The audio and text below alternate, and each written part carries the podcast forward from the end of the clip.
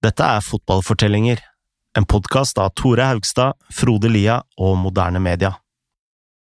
Når Sheikh Mansour kjøper Manchester City i 2008, vil han at verden skal ignorere Abu Dhabis mørke sider. Ansvaret for dette gir han til Suleiman Al-Fahim, Midtøstens svar på Donald Trump.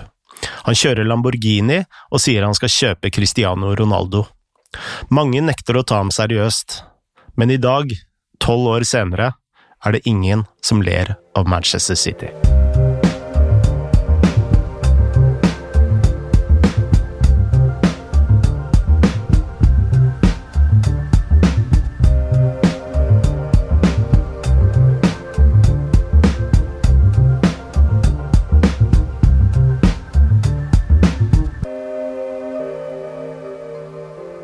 Med Al-Fahim ved roret byr Manchester City på alt og alle.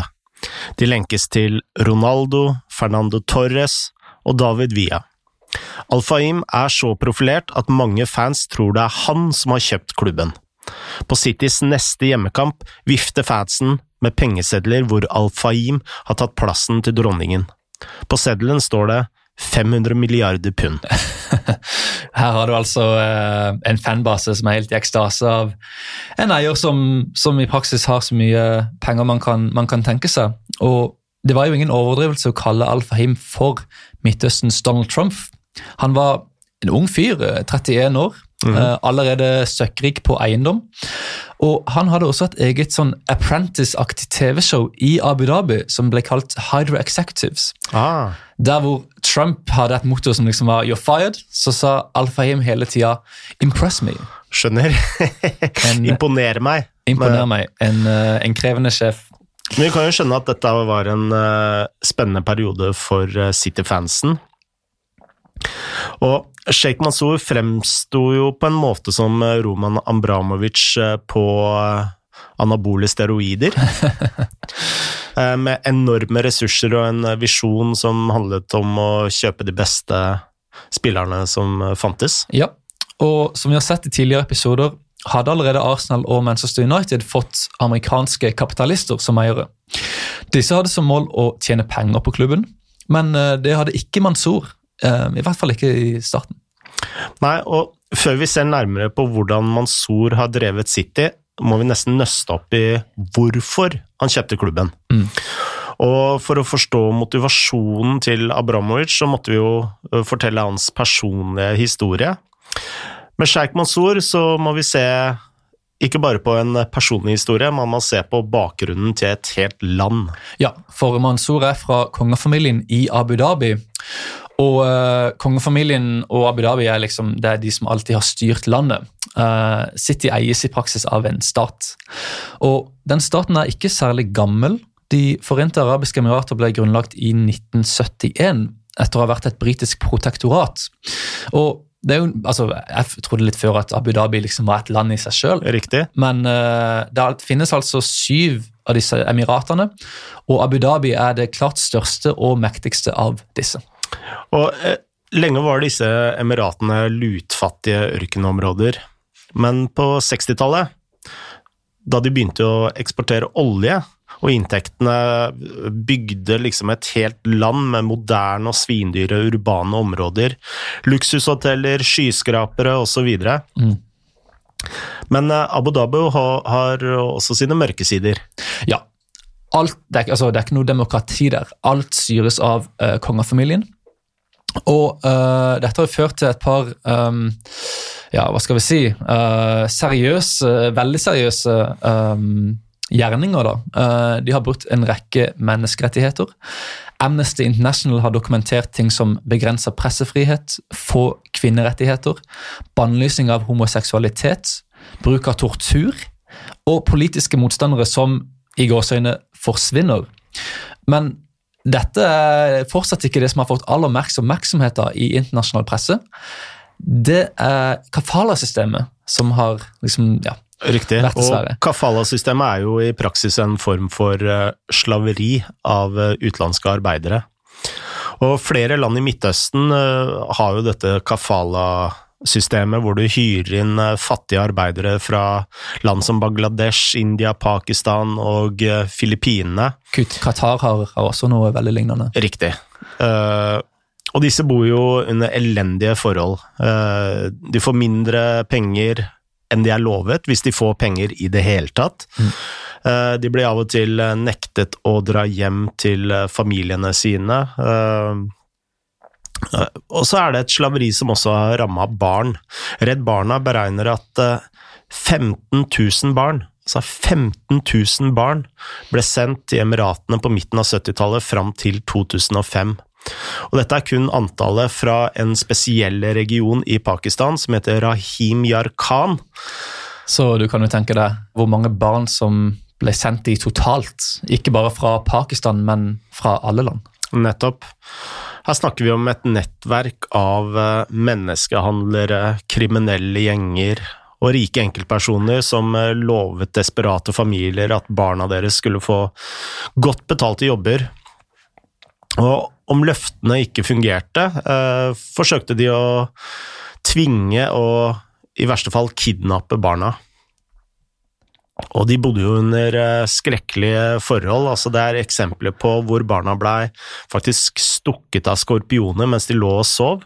Andre ble gitt elektriske støt for å ha forsøkt å stjele dadler som egentlig var ment for eh, kameler. Det høres ut som dyrene nesten ble bedre behandla enn barna, rett og slett. Riktig. Um, men altså, vi kan jo sitte her i et studio i Norge og ramse opp alt um, vi har lest og hørt om dette kafala-systemet. Men for å få enda mer innsikt her, så har vi snakka med James Montague, som har skrevet en bok om fotballeiere kalt The Billionaires Club. James er ikke bare en veldig profilert og flink forfatter, han bodde også i Emiratene fra 2004 til 2007. Og i 2008 skrev han en bok om fotball i Midtøsten som heter When Friday Comes. Vi har bedt eh, James om å forsøke å beskrive hverdagen til disse arbeiderne. Up at dawn, um, it usually within a labour camp, separate from the rest of the city. Um, these effectively kind of ghettos that exist um, out in the desert, a long way from the city. You're you're purposely workers are purposely kept away from the rest. You know, these poor, dirty people got, have got to be kept away from the gleaming uh, malls at all costs. Usually they're banned from going into malls, which are often the only public spaces that you have in the Middle East because, uh, sorry, in the Gulf because it's so goddamn hot that if it's a 50 degree summer, like you go to the mall on your day off on your one day off on a Friday, you know, you're kicked out basically. Um, so you, you, you wake up at dawn, um, you get put on a bus, uh, usually in the room that you live in, the quarters that you live in, uh, it, it, it, it does differ uh, depending from company to company, but you're usually six to maybe 10 or 12 people living in a room. Uh, if you're lucky, you have air conditioning. If you're unlucky, you don't have any air conditioning. Um, the conditions are filthy. Uh, usually there's, you know, I mean, I've, I've been to a lot of camps where, you know, there's just open sewage pretty much, you know, just, just sewage leaking everywhere. Um, you cook your meals and, you know, I mean, it's just, it's just, it's, the, the sanitation is absolutely awful. And then you get onto these kind of un- air conditioned buses. Uh, they'll take you to your building site, and you'll work effectively uh, in extreme heat for you know ten to twelve hours a day. And laws have been passed that will that, that are supposed to stop people working in the hottest moments in the summer uh, between 12 and 3 but i mean it's so hot from nine o'clock onwards, or even from three o'clock afterwards. That that you know, it's a drop in the ocean of what really needs to happen. So you're you're doing backbreaking work, usually as you, you, I mean, often an illiterate uh, labourer. You know, backbreaking work on a building site, usually in quite unsafe conditions. Um, there's never enough food. There's never enough water. Um, and then at the end of their shift, they're put back on their put back on their bus, taken back to their their uh, camp. These camps, by the way, often bought and sold in the back of newspapers. I mean, certainly when I was, they probably do it online now, but back in 2004, they were selling them back in the back of newspapers. And then you go back to your camp, and then you you cook your meal in in, in like some kind of filthy kitchen, and then you go to sleep for a few hours and then you start again the next day. People often working at least six hours a day, but because the money is so poor, I mean, you'd be, it, you know, especially in the UAE, wages governed. Even if they say they're not, they're usually governed by what country you come from. So there's kind of a racial hierarchy. And if you're from Bangladesh or from Africa, usually that's at the lowest. And if you're Indian, it's at the highest. But you'll get you'll get three hundred pounds a month for for doing this this incredibly uh, hard work. And and the thing is, I mean, a lot of people will say, "Oh, you know, well, they, they're getting, they're earning more here than back home. They save money, to go back and build a house. And actually, that isn't the case at all. Because what happens is they actually have to borrow a huge amount of money to get, uh, to pay an agent to take them there, usually on a promise of wages which are much higher than when they get there. Um, and to do that, they mortgage their family's land, which means they're stuck. If they leave, their family loses the land and they're destitute. If he stays, he's exploitable. And so he has to stay, usually earning. And I often spoke to people from Punjab, for instance, who told me the wages that they were earning in Dubai were lower than what they would be doing a similar job on a building site in India, because because they once they're trapped in the system, they are absolutely exploitable. And so you have the situation where men are living together in huge numbers, uh, often like backbreaking work, injuries, um, sudden death is a is a because you, you have young men having heart attacks because they're you know they're working in extreme heat, uh, you know without a break, you know six seven days a week, and so psychologically a lot of these men are absolutely distraught because they're trapped. So I've I've I've personally spoken to workers who have said they would consider suicide because if they threw themselves in front of a car on the highway, uh, the legal system in the United Arab Emirates, I'm not sure if it's the same in Qatar, but there was a system of blood money where uh, the the person who kills somebody can can kind of make it go away, or kind of can if the family agree to pay blood money for the for the death. And these workers felt that they were worth more to their families dead than alive. And when I think of those those kind of decisions that people have to make in these camps, um, which are propping up an entire system of slavery and abuse.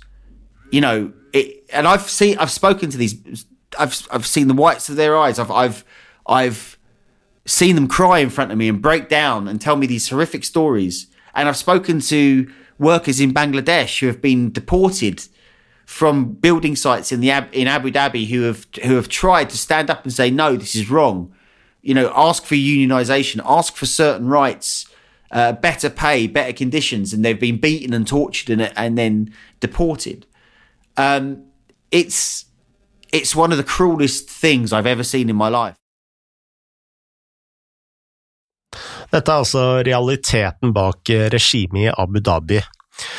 Så det er kanskje ikke så rart at eh, kongefamilien har eh, prøvd å få resten av verden til å ignorere disse gjerningene, Tore? Nei, på ingen måte. Og Abu Dhabi har prøvd å oppnå dette gjennom tre ting. De har brukt turisme, altså kom til Abu Dhabi hvor været er fint og alt er moderne og luksuriøst og skyskraperne glimter i sola.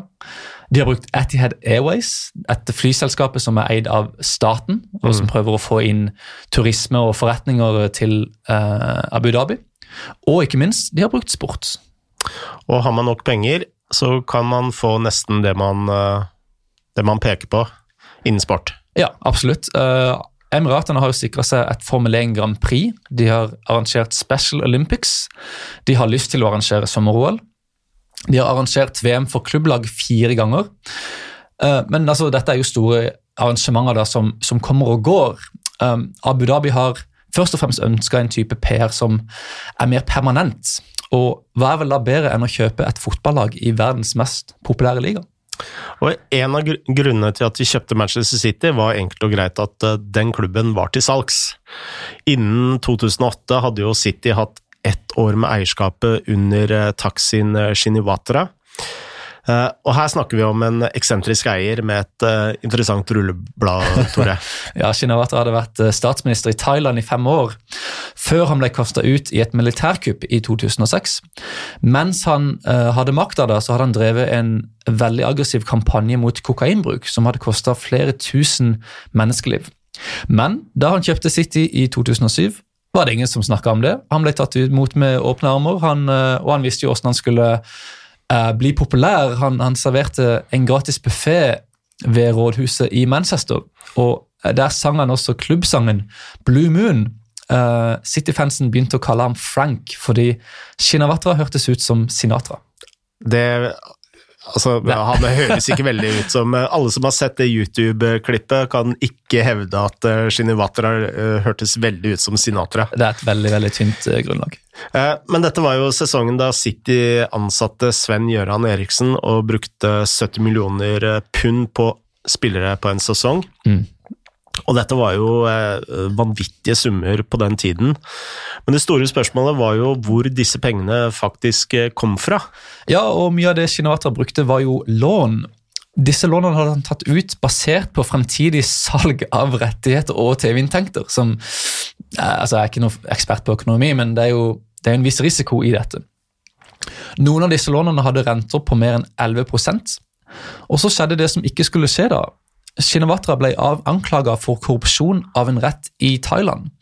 Dette bidro til at bankkontoene hans ble fryst, og disse inneholdt visstnok 900 millioner pund. Og det er jo ikke ideelt eh, for en klubb som City, som står med lån oppetter øra. Nei, og eh, ting skulle bli enda verre ganske kjapt. I 2008 så ble Shinawatra dømt til to års fengsel i Thailand.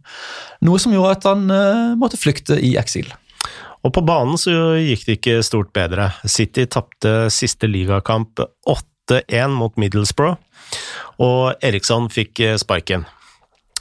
De stakkars spillerne måtte deretter på en post season-tur til, til Thailand. Og en av øyeblikkene som oppsummerte den turen best, var kanskje når den eh, bulgarske vingen eh, Martin Petrov satt på benken og spiste KFC eh, KFC chicken. Eh, chicken ja. ja. Men tenk deg du spiller, og du har tapt 8-1, og det liksom har vært en tung sesong, og så skal du dra til Thailand på toppen altså, av det hele. Altså, det er, altså, så rett på ferie etterpå. Sant? Ja, det kunne ha vært verre steder å dra ja, på. Ja, det kunne det, men fyttegrisen, det må være litt uh, demotiverende. Uansett, uh, finansene var jo et rot her, og snart innså Shinawatra at gjelda var så stor at han bare måtte selge klubben. Så uh, Citys daglige leder, da, Gary Cook, måtte begynne å finne en ny investor, eller en ny eier. Um, han ble introdusert til Sheikh Mansour. og Cook skjønte veldig tidlig da hva Abu Dhabi prøvde å gjøre, så han pitcha City som et slags varemerke som Abu Dhabi kunne bruke for sin PR. Og det fungerte. Til slutt ble klubben solgt til Sheikh Mansour for 210 millioner pund. Og Sheikh Mansour er en av sønnene til sjeik Sayed, og det er mannen som stiftet eh, De forente emiratene, og som styrte staten frem til han døde i 2004. Mansour eh, kjøpte City som privatperson, og som da Abramovic kjøpte Chelsea, var det noen som sa at Mansour kun tok over City for å ha det gøy. Mm. Og ifølge James Montague er dette bare tull. But what was very clear to me is that everybody who's been who who was like, oh yeah, this is this is just a like a board a board royal family member wants to invest in football because he loves it, you know, uh, and even the the official uh, press release at the time of the purchase was like, we see this as a potential business that we can buy and make profit off of. None of that made any sense. Um, if you understand anything about Gulf monarchies, you know there is no there is no private money. Private money doesn't really exist. You know everything is patronage. That doesn't mean that he's not a smart guy that's made money in investments that he's made, but everything comes from the royal family and comes from the from the very top. And so Sheikh Mansour is one of the most important figures within Abu Dhabi. He is a part of the Bani Fatima, which is the six sons of uh, of uh, of Fatima and Sheikh Zayed, uh, who was uh, Sheikh Mansour's father. Um, and these six guys, including Mohammed bin Zayed, who's the, the crown prince of Abu Dhabi and is will be will be the next ruler, and some say is the actually most important and powerful person, perhaps not just in the UAE, but perhaps in the Middle East. Um, these these six basically rule rule the country and control the levers of, of power, whether military or or economic. And so the idea that this is a guy who's come here to make profit or because he loves football is absolutely false. It's uh, there's another reason, and that reason is effectively to rebrand the country, rebrand Abu Dhabi. Um, at the time when, just before the financial crisis, most people assumed Dubai was a country in itself. It had been successful, and it's an emirate, you know, subordinate in many ways to Abu Dhabi. Um, but Abu Dhabi, you know, saw what Dubai did in terms of using sport, especially to rebrand itself and promote itself extremely successfully. And when um, the financial crisis hit, which hit Dubai very, very hard because it doesn't have its own oil. It was built on credit and real estate. And when it collapsed, it had to ask for a massive bailout from Abu Dhabi. The tables turned and Abu Dhabi took that basically that kind of blueprint and applied it to it the it's to the capital and so the football club has become absolutely central to promoting a vision of Abu Dhabi and an idea of Abu Dhabi to the outside world. If you look at its major sponsors, Etihad, if you look at kind of the Abu Dhabi Tourist Board, you know, if you look at all these massive companies, all state controlled, all state owned, um, there isn't really private enterprise in, in that respect. I mean, they invest in private companies, but everything, the, the, the, sovereign wealth funds that control that economy, they're, they're all absolutely subordinate to the royal family. Da Abramovic eh, tok over Chelsea i 2003, var han den rikeste eieren i Premier Leagues historie. Han har en formue på rundt 13 eh, milliarder dollar. Glazer-familien har rundt 5 eh, milliarder dollar. City eies i praksis av en stat som eh, skal sitte på verdier eh, verdt mer enn 800 milliarder dollar. Ja, eh, rimelig ekstremt. Um, og Abu Dhabi sitt mål med denne altså, altså, denne ubegrensa pengebruken var jo å skape et lag som kunne få beundrere og vinne titler så fort som mulig. Og man kan trygt si at de hadde hastverk. I avtalen om kjøpet av klubben la de inn et krav om at City måtte betale, nei, de måtte hente en stjernespiller før overgangsvinduet stengte den sommeren. Så i praksis da, så hadde City en uke på å hente en, en superstjerne. Det kan jeg tenke meg utfordrende. Altså, på den tida så var jo ikke City en superklubb. Uh, under Svennis uh, kom du vel på en niendeplass i Premier League? Ja, de hadde jo, dette var jo ikke noe glamorøst prosjekt i det hele tatt. Og uh, det var jo her at Al-Fahim kom inn i bildet. Mansour hadde jo ikke tid til å drive denne klubben sjøl. Han, var jo, altså han både var og er involvert i veldig mange av de sportslige, økonomiske og politiske initiativene til kongefamilien. Så han la sitte i hendene til Al-Fahim som i praksis kasta penger etter alle de store spillerne han hadde hørt om. Det er som en, Se for deg footballmanager hvor du går inn på ed editoren og bare gir deg sjøl enormt mye penger, tar over en sånn mid-size Premier League-klubb, og så bare byr du på alle du har. Det var jo mye kaos i klubben på den tida, men til slutt så klarte jo City å ro i land en deal ved å overbevise Robinho om å forlate Real Madrid. Ja, ifølge Gary Cook da, så trodde Robinho lenge at han faktisk skulle til Chelsea før City fikk overbevist han om å dra til Manchester. Og I tillegg så fantes det en episode fra denne perioden som Cook nylig bekrefta var sann. Og Der sikta City langt høyere enn Robinho. Ja, for i 2008 la de inn et eh, bud på Lionel Messi. Men den historien skal vi ta i neste episode.